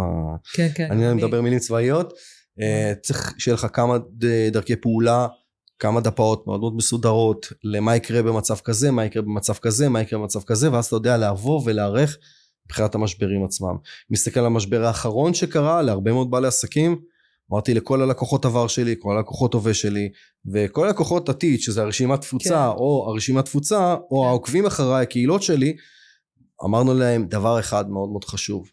עכשיו זה הזמן להשקיע בתשתיות של העסק. של המשבר הבא. בדיוק. נכון. קודם כל של השוטף והיערכות למשברים. אתה יודע איך אני אומרת את זה? משבר זה הברירת מחדל שלכם. בדיוק. כל השאר זה בונוס. בדיוק. אבל גם משבר יכול להיות אישי, אנשים חושבים רק על קורונה או על מלחמה, אבל משבר אישי, חלילה פיטורים, גירושין, אה, הבעל אה, מפוטר, אה, חולה, נכון. עניינים, פתאום ההכנסה בבית יורדת לחצי, נכון? ילד חולה חס וחלילה, אלף ואחד דברים, אז זה נכון. משהו שזה החיים, כאילו. נכון? אם בן אדם בחר להיות בעל עסק, אז הוא חייב לדעת שזה חלק בלתי נפרד מאותו עניין. אתה יודע מה אני תמיד אומרת, אתה אומר להיות מנכ"ל, זה מעניין, אני אומרת את זה תמיד הפוך, אני אומרת שאתה לא יכול להיות רק איש המקצוע, אתה יכול להיות מעולה בתחומך, לא יודעת מה, הקדר הכי טוב, סורג את הסוודרים הכי טובה, לא יודעת מה, אבל בלי להיות בעל עסק, בלי להבין בזה מבחינה מקצועית, שיש, אני קוראת לזה שש מחלקות, אני גם אומרת את זה כל הזמן, יש שש מחלקות בעסק שאתה חייב לדעת לנהל, שזה שיווק, גם אם יש לך קמפיינר, אתה חייב להבין את האסטרטגיה השיווקית, ולא לשחרר את זה, כאילו זה המיומנות ליבה שלך, מכירות. גם יש לך צוות מכירות, זה אפרופו מיומנות שאתה חייב לשמור את זה. אני כל הזמן אומרת לצוות שלי, בואו נעשה שיחות וזה, ואני גם רואה, אם אני לא מוכרת הרבה זמן, פתאום אני עושה שיחה, זה פתאום נתקע לי כזה, ברור. זה לא כזה זורם לי. אז שיווק, מכירות, תפעול, אתה חייב להבין, למרות שפה אתה לא חייב לדעת, אני כבר היום בשלב שאני לא יודעת את כל ה... 10 עד 20 אחוז מכל מחלקה אתה חייב לדעת נכון, פרפקט. מסכימה. תפעול, יש את הנושא של אה, כספים כמובן. מה שכחתי?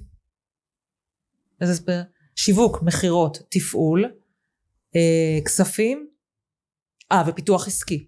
כל נושא של פיתוח עסקי, כאילו לחשוב על, זאת אומרת, להתחיל להזרים עוד, אה, נכון עוד מאוד. דברים, לא, לא לשקוע כאילו על ה... נכון מאוד, נכון מאוד. וזה אומר, ואני אומר את זה אגב להרבה מאוד, בתוך, כשאני נכנס לתוך חברות, אני אומר את זה גם לאנשים, אתם חייבים לדעת ללכלך את הידיים. לעשות את הדברים שהעובדים שלכם עושים, לעשות את הדברים שהם לא כיפים. אם זה, אם אתה קופירייטר או מנהל מחלקת שיווק, לך תשב ותתחיל לכתוב מיילים. מחדש. לך ותבוא ותכתוב אתה את המודעות. אל תיתן לג'וניור או לסיניור לבוא ולעשות את. הדברים האלו. תעשה אתה בעצמך כל הזמן, תלכלך את הידיים, תראה להם שאתה עובד איתם, בסדר? וככה אחד יעריך אותך הרבה יותר, הניהול שלך יהיה הרבה יותר טוב, וכמובן אתה תשחיז את עצמך. וואו. זה משהו שאני גם מזכירה לעצמי. אני כאילו מסתכלת ואני אומרת, אוקיי, אני צריכה להשתפר בזה גם כן. נכון, ניצן? אבל אה, כן, אבל כתבתי היום מייל. אה, אני מסכימה איתך, לפעמים זה באמת אה, קשה. אני בעיקר שונאת כל הדברים שהם קשורים לאוטומציות וכל מיני כאלה. אני רק שומעת את ה... ניצן מדברת עם האיש אוטומציות, אני בא לי למות. אני גם... אני, אני מסכימה עם מה שאתה אומרת, אבל אני רגע תוהה, יש לי רגע שאלה אליך. תראה, אני ראיתי את זה למשל שהייתי בחו"ל עכשיו. יש דברים, לא יעזור בדין, לא סובלת אוטומציות. בסדר? לא סובלת את זה, לא את לא סובלת. צריכה לדעת אוטומציות. אז זהו, אני לא את צריכה להבין את האסטרטגיה. אני יודעת מה אני רוצה. של האוטומציות. זהו, אני יודעת מה אני רוצה, תעשו את זה. אני לא רוצה בדיוק. להיכנס לזה. זה אני יודעת. גם אני, אני לא בן אדם טכני. בסדר, יש לי מחלקה טכנית, אבל עדיין אני לא בן אדם טכני. אני לא יכול לבוא ולעשות את זה, אני גם לא אבין מה הם כותבים שם, אין לי שמץ של מושג. אממה, אני כן יודע לתכנן את זה, אני כן יודע להגיד את הרעיונות שלי, אני כן יודע לקחת את הרעיון הזה ולפרק אותו לגורמים, כדי שמבחינה אסטרטגית אני אבין Mhm. אותו, Mhm. האיש אוטומציות יבין אותו, איש הביצוע יבין אותו, ועל זה שילבישו את כל מה שהם רוצים. צריך להיות אסטרטג, צריך להבין בזה. עכשיו, את לא מבינה באוטומציות, לא. את מבינה בשיווק. נכון. שיווק ואסטרטגיה שיווקית יודע לבוא ולתת את ההנחיות לאנשי אוטומציות בצורה הטובה ביותר. אז צריכה להיות האסטרטגיה, את לא יכולה לבוא ולשבת ולעשות. לא משנה מה, את לא יכולה להרשות לעצמך. אולי העסק מתחיל כן. כשאנחנו התחלנו, ארטיום היה מתעסק בכל הנושא הטכני. אני התעסקתי בכל השיווק, אני הייתי הקמפיינר, אני הייתי פה, זה, אני הייתי. שמה. בסופו של דבר, יופי. אם יש בעל עסק שכן יכול רגע שנייה למנוע את זה שהוא לא יתעסק בזה, מישהו אחר יתעסק בזה, מעולה. אבל באיזשהו שלב, גם אם הוא מתעסק בזה, וכן, העסק מתחיל להיות יותר ויותר רווחי, כן, לוקחים מישהו אחר שיעשה את זה. עכשיו, הוא יכול לשכוח את הדברים, אבל לא לשכוח את ה-20%, כי להיות מנכ"ל זה לא עכשיו לשבת, הנה, אני ביג בוס, כן. יאללה, אני יושב, אם את היית, או מי ששומע את זה, את הפודקאסט הזה שתהה, כן, זה לא שמה. נכון. זה לבוא, לנהל את הדברים, להנחות, להוביל, תוך ד- כדי דוגמה אישית. בלי דוגמה אישית, אתה לא יכול להיות מנכ"ל. אתה חייב לבוא, לשבת, לעשות לפעמים איתם את הדברים, להבין איתם. אתה חייב לדעת מה קורה בתוך העסק שלך. תספר לי על ה... באמת, התחלת להגיד את זה מקודם, על הטעויות שלך, ומה למדת מהם. באמת דברים שקרו לך, שאתה אומר, וואלה, זה היה שווה בשביל הלמידה, בוא נלמד בזה יחד. קודם כל, הרבה דברים לא הבנתי. אה, כ- פיננסי, חשבתי שאני מבין, אבל לא באמת הבנתי. הבנתי את זה ברמה של, אה, שאנשים מבינים. ראיתי גם קורס, שדרוג התנהלות פיננסית, קורס מאוד מאוד מצליח. אלפי לקוחות, מלא לקוחות יש לקורס הזה במשך שנים, בסדר? אבל הוא לא מדבר על הרמה היותר גבוהה של העסק. ואני נכוויתי, אני ראיתי רעיונות של? עסק, שבאו והציגו לי עכשיו דוח רווח הפסד מדהים, בסדר? אה, דוח שבא ומראה את כל הנתונים, ואני רואה את הנתונים, אני אומר לעצמי וואו, אבל זה גם בשיח שהיה לנו, אבל בתכלס, איפה זה משתקף? איפה הכסף? הרואה חשבון אומר שהחברה רווחית, יש הרבה כסף, אבל העסק לא רואה את הכסף. מהמם. למה? כי העסק לא יודע לנהל דוח מאזן, הוא לא יודע לבוא ולעשות את המדידות האמיתיות, מה באמת קורה פה. עכשיו אמנם זה לא לעסק המתחיל, אבל כן חשוב שעסק מתחיל ידע את זה. כן חשוב שעסק מתחיל יבין את זה. אז תן לו את הטיפ. עכשיו שומע עסק מתחיל, תהיה לו פרקטי, תגיד לו מה הוא צריך ללמוד לעשות. פיננסים. אבל מה הוא צריך ללמוד? כאילו, מה התוצרת המבוקשת ממנו כדי שהוא יגיד, אוקיי, יופי. קודם כל ניהול דוח רווח הפסד. מהמם, באופן עצמאי, מהמם, בסדר? לדעת מה זה דוח מאזן. לדעת שרואה חשבון מספק את הדוח מאזן שנה וחצי, שנתיים אחורה, אז הדוח מאזן לא באמת רלוונטי לתקופה הנוכחית. לדעת איך כן ליצור דוח מאזן כבר עכשיו. ongoing. כאילו, מה ongoing. שאתה אומר, למרות שהוא לא יהיה ב-100%, הוא יהיה ב-90%, אבל 90% זה מספיק מספרים כדי שנדע מה קורה. תראה, זה time consumer גדול, אני עשיתי את זה, אני עושה את זה בעסק שלי, אוקיי? כי הרי רואה חשבון זה ארכיון, משהו שהוא מוציא לך כבר נכון, משהו זה ארכיון, אתה צריך נכון. משהו ongoing של לדעת לקחת החלטות נכון. עסקיות. איך אתה מנהל את זה? איך אתה לוקח החלטה עסקית? מה המספרים שאתה מסתכל עליהם בשביל לקחת החלטה עסקית, כמה להשקיע נגיד חזרה בעסק? קודם כל, בוא ניקח עכשיו סתם, בוא ניקח עכשיו סתם פרויקט. יש לך עכשיו איזשהו קורס, בסדר? או יש לך עכשיו מוצר, זה לא באמת משנה, מוצר פיזי או דיגיטלי, זה לא משנה, בסדר?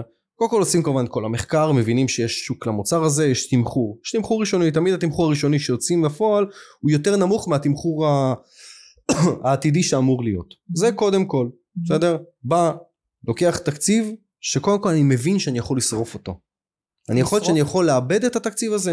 אם עכשיו אמרתי שהתקציב שלי לפרסום הוא עשרת אלפים שקל, אני צריך לגשת עכשיו לאותו רעיון בהבנה שאני לא אחזיר את הכסף הזה. כי אם זה יכאב לי יותר מדי, משהו פה לא בסדר, מהמם. אוקיי? ואז אני יוצא לפועל.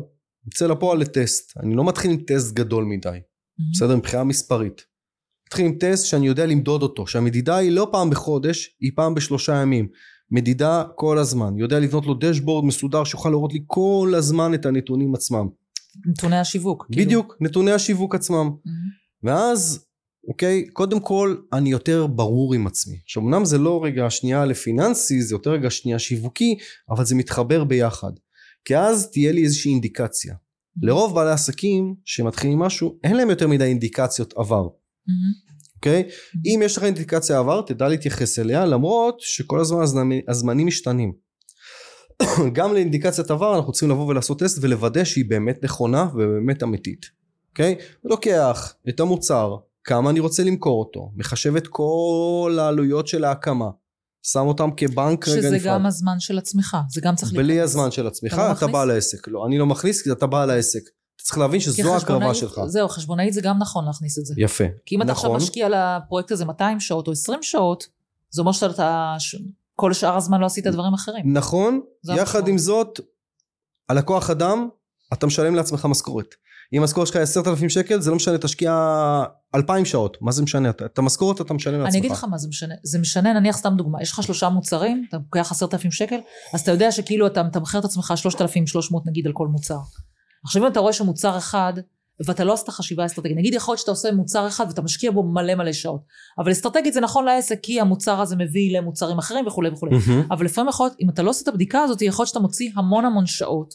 למשל, לי יש עכשיו חשיבה מחודשת על איזשהו קורס אחד, שאני תופסת עצמי עם המון המון שעות, ואני אומרת כאילו, what the fuck, האם זה באמת שווה את זה, כן או לא? אה, זה משהו אחר. כלומר, אתה כן. צריך להכניס כמה שעות אתה עושה. אתה חייב... כי גם תמחרתי את השעות לפני כן, ואני רואה שאני הרבה יותר מזה. אנחנו ב phase 2. phase 1 זה phase המקדים יותר שלא שמנו בכלל, לא שמנו אותו בצד. זה אמרתי לפני זה, זרקתי אותו בכמה משפטים, זה המחקר שוק. חלק מהמחקר שוק זה להבין אם המוצר הזה משתלם, היא גם משתלם מבחינת הזמן. עכשיו עוד פעם, זה obvious אצלי, ולא בטוח שזה מעבר החוצה, אבל כן, אתה חייב להבין שבאמת רגע, משתלם לך להוציא את זה מבחינת הזמן שלך, הזמן ההשקעה רגע, שלך. אני מבינה מחקר שוק שאתה מדבר על זה, וטוב שאנחנו רגע מדברים על זה. בעיניי מחקר שוק זה ללכת לבדוק את האבטר שלך, מה הכאבים שלו, אם הוא רוצה בכלל את המוצר שלך, אולי אתה סתם שלך חי בפנטזיה וכל זה. זה מבחינתי מוצר, אה, סליחה, מחקר שוק. לא חשבתי שבעצם מה שאתה אומר פה זה לבדוק גם באמת השתלמות מבחינת, ה... איך אומרים, התשומות שאתה שם את זה. ברור, אז אצלי מחקר שוק מתחלק אז לשתיים. תסביר, זהו. מחקר שוק שיווקי, כדי ליצור את כן. ההצעה הטובה ביותר. שזה עוד פעם, להכיר את האבטר שלך. להכיר את השוק, אה, כאבים, תועלות, בעיה אמיתית, מהמם. מנגנון ייחודי אה, וכן הלאה וכן הלאה וכן הלאה. מהמם. אבל יש גם את המחקר שוק בתוך החברה עצמה. מה העלויות שיכולות להיות, כמה זמן ייקח לעשות את זה, כמה חברי צוות אני צריך לשים פה. אה, מי עושה מה, וכן הלאה וכן הלאה וכן הלאה. זה גם מחקר נפרד לחלוטין, זאת, זאת תורה בפני עצמה. כי אם לא עכשיו יש לי שם- מוצר, אז אתה לא מכניס שם את המנכ"ל? אתה, מי שבסוף מנהל את הדבר את האופרציה, אתה לא מכניס את השעות שלו? יש לו משכורת. המשכורת, עדיין, אבל לבדוק את נתח, המס... אה, נתח המשכורת שלו על המוצר הספציפי הזה. אולי כל היום הוא אה, מתעסק לא, רק במוצר. בדרך כלל לא, בסדר? בדרך כלל לא. יש פרויקטים ספציפיים שכן, זה תלוי בסדר גודל הפרויקט. אם אנחנו מדברים פה על פרויקט עכשיו של 50-100 אלף שקל, פחות. אני מדברים פה על פרויקט עכשיו שהולך להיות פרויקט מאוד מאוד רציני של 200, 300, 400, מיליון שקל, זה כבר משהו אחר לגמרי. בסדר? כי אז בסופו של דבר אני צריך להבין, המנכ"ל יודע, זה חלק לא, כי מה- אז זה יותר all in, כאילו, המנכ"ל יותר בטח. מעורב מאשר פרויקטים לא קטנים. בטוח כאילו. אגב זה לא אה, כזה בטוח אבל יכול להיות שהצוות שלו במקום שיעשה עכשיו משהו אחר ויכניס כסף לתוך החברה שלו מה שיקרה זה עכשיו הוא לא יכניס כסף מהמם. אז מאיפה הכסף אז את הכסף הזה אני יכול לבוא ואני מכניס את זה לפה כנ"ל לגבי המנכ"ל אם המנכ"ל עכשיו יודע אה, חוץ מלייצר איקס כסף יש לו גם עוד תפקיד בתוך החברה זה יכול להיות אה, כן. בוא ניקח אותי, בסדר? שאני עכשיו גם, יש לי ליוויים, בסדר? נגיד הליוויים הם מכניסים איקס כסף, ועכשיו בתקופת הזמן הזאת אני לא יכול לקחת את הליוויים האלו, זה אומר שהחברה תהיה בגירעון איזשהו, יכול להיות, מהמם. כן, אז את זה אני כן צריך לבוא ולשים, מהמם. כן, זה עוד פעם, זה תלוי פר כן. פרויקט, כן, כן. בסדר? יש פרויקטים שכן, יש פרויקטים שלא, אבל אה, אם אני מסתכל פה על הפרויקטים הבסיסיים, בסדר? של עד אה, 50 אלף שקל שאתה הולך להשקיע, בדרך כלל לא, כי זה מוצר של אמור להיות מוצר שהוא מתחדש כל הזמן. כל הזמן. החיי מדף שלו אמורים להיות לא פעם אחת. גם המעורבות אמורה להיות, אני מניחה, יותר נמוכה. בדיוק. זה כן. מעורבות בהתחלה ואחרי זה המעורבות מתחילה לרדת כי יש חברי צוות נוספים ואז זה כבר משהו אחר. אז זאת אומרת בעצם מה שאתה אומר פה אני אחדד לחבר'ה באמת שאני גם עושה את זה בתמחורים אצלי אני רואה את זה שלפעמים נגיד מוצר פעם ראשונה קורס ראשון או משהו כזה לפעמים אני משקיעה בו המון שעות כן צריכה להקליט ובלה בלה בלה אבל מוצר שני איך אומרים זה כבר רץ בעצמו וזה בדיוק. גם כן צריך להסתכל על זה בצורה הזאת. בדיוק אלא- גם צריכים להבין את המטרות של המוצר כן. אם המוצר הזה הוא קם כדי ליצור סיסטם מהמם. כסיסטם מהמם. לשאר המוצרים או הוא קם כמוצר סטנד אלון שהוא לא שכפי לח- לחלוטין אוקיי אגב אני טוען שכל מוצר הוא סיסטם בסדר אז אה, כן שווה אני גם שואפת לכל מוצר לבנות את שזה זה. יהיה סיסטם אני חושבת שגם אני גם הולכת כל פעם אפילו עוד צעד ועוד צעד מבחינת הסיסטם כדי שפחות נתעסק עם זה אני חושבת שזה חלק אה, אינהרנטי מחשיבה עסקית. נכון הרבה אנשים פחות מתייחסים לזה ככה וכן חשוב ואגב גם עם אה, גם עם אה, אנשים שעכשיו מקשיבים לפודקאסט הזה ובאים ואומרים רגע לא עשיתי סיסטמים מכל פעולה שאתם עושים תיצרו ממנה סיסטמים זה משהו שמאוד מאוד חשוב תשכפלו נכון. כי אז פעם הבאה תשחיזו את הסיסטם פעם שלישית זה כבר ירוץ חלק ואז תוכלו להביא מישהו אחר בתשלום הרבה יותר נמוך שיוכל לבצע את אותן המשימות שאתם מבצעים היום זה משהו שהוא מאוד מאוד נכון. חשוב נכון.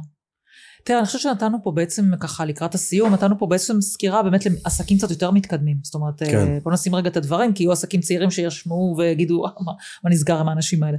אבל נתנו פה באמת לאנשים, אני ואתה כבר נמצאים בעסקים שלנו במקום קצת אחר מאשר עסק אה, מתחיל, אבל מאוד חשוב, בעצם מה שאנחנו ככה מדברים פה, שזה מאוד חשוב להיות כל הזמן עם הדופק על הזה, אפילו שאתה מרוויח הרבה, כי אתה יכול להסתנוור מזה. אתה פתאום מרוויח סכומי כסף גדולים, אבל אנשים לא מבינים שאתה יכול להכניס, אה, לא יודעת מה, מיליון שקלים, ולהוציא 900 אלף שקלים אה, באותו חודש. כאילו. נכון אתה, ככל שאתה, כי יש פה אלמנט של הסתנוורות, במיוחד אתה צומח מהר, האלמנט של הסתנוורות מאוד אה, נוכח.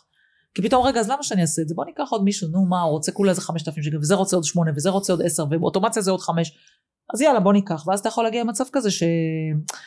גם בעיה תזרימית יכולה להיווצר לך פה, כי, כי אתה לפעמים מקבל את הכסף בתשלומים נגיד, או כל דבר אחר, ופתאום נכון. אתה צריך להוציא לספק שלך עכשיו בתשלום אחד, אז אתה יכול להיקלע פה, וזה מה שאגב מפיל בעלי עסקים, זה התזרים. כאילו לא העסקאות, הם תוכנים בדיוק. עסקאות, ופתאום אבל התזרים לא מתאים. בדיוק אז צריך לעשות את ההתאמות. אז צריך להיות, בקיצור, מה שאני באה להגיד זה שצריך להיות עם יד על הדופק בכל שלב ושלב של העסק שלך, בטח אתה הולך לצמוח וכאלה.